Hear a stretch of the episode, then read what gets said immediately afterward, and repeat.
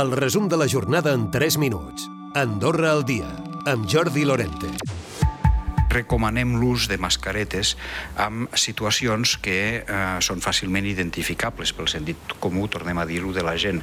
Quines són aquestes situacions? Pues quan hi ha aglomeracions fortes, amb espais tancats, eh, en particular pensem amb els transports públics, si el transport públic està molt freqüentat, eh, recomanem l'ús de mascareta per tothom, especialment per les persones eh, que són fràgils. És Albert Font, el ministre de Salut, recomanant la mascareta a espais amb aglomeracions de persones arran de l'increment de casos de la Covid i per l'augment també de casos relacionats amb malalties respiratòries.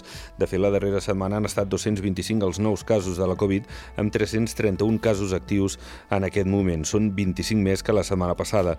S'afegeix, per cert, dissortadament, una nova defunció els darrers dies. Una senyora d'edat avançada que ja tenia patologies prèvies i que esdevé la víctima víctima mortal número 157 comptabilitzada des de l'inici de la pandèmia. A l'hospital hi ha tres pacients a planta, cap d'ells a la unitat de cures intensives. La mobilització sindical es podria convocar coincidint amb el pont de la Puríssima. La data seria la del mateix dia 8 de desembre. Els sindicats volen palesar el malestar per les mesures del govern per compensar la pèrdua de poder adquisitiu, però no seria l'única mobilització i es plantegen accions similars coincidint amb la campanya de Nadal i, per exemple, en els dies previs a l'inici de la campanya electoral. El ministre portaveu Eric Jové s'ha referit a aquesta convocatòria, a aquesta mobilització dels sindicats. Legítim, eh, entenem que vulguin o, o desenvolupar doncs, accions de protesta si això ho consideren oportú.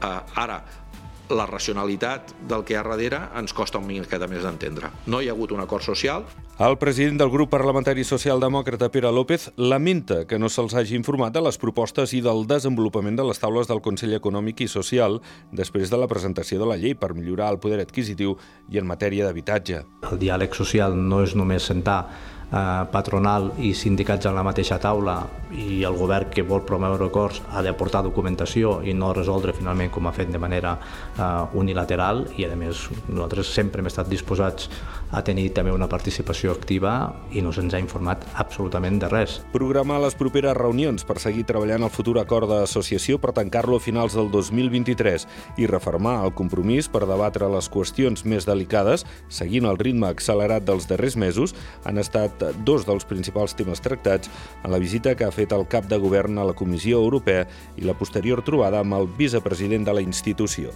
I l'estació d'Ordino Arcalís obrirà aquest dijous. Les nevades i les baixes temperatures dels darrers dies han permès produir neu de cultiu i garanteixen les condicions per començar la temporada amb un 40% de pistes obertes i un 25% dels remuntadors.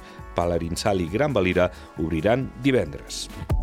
Recupera el resum de la jornada cada dia a Andorra Difusió.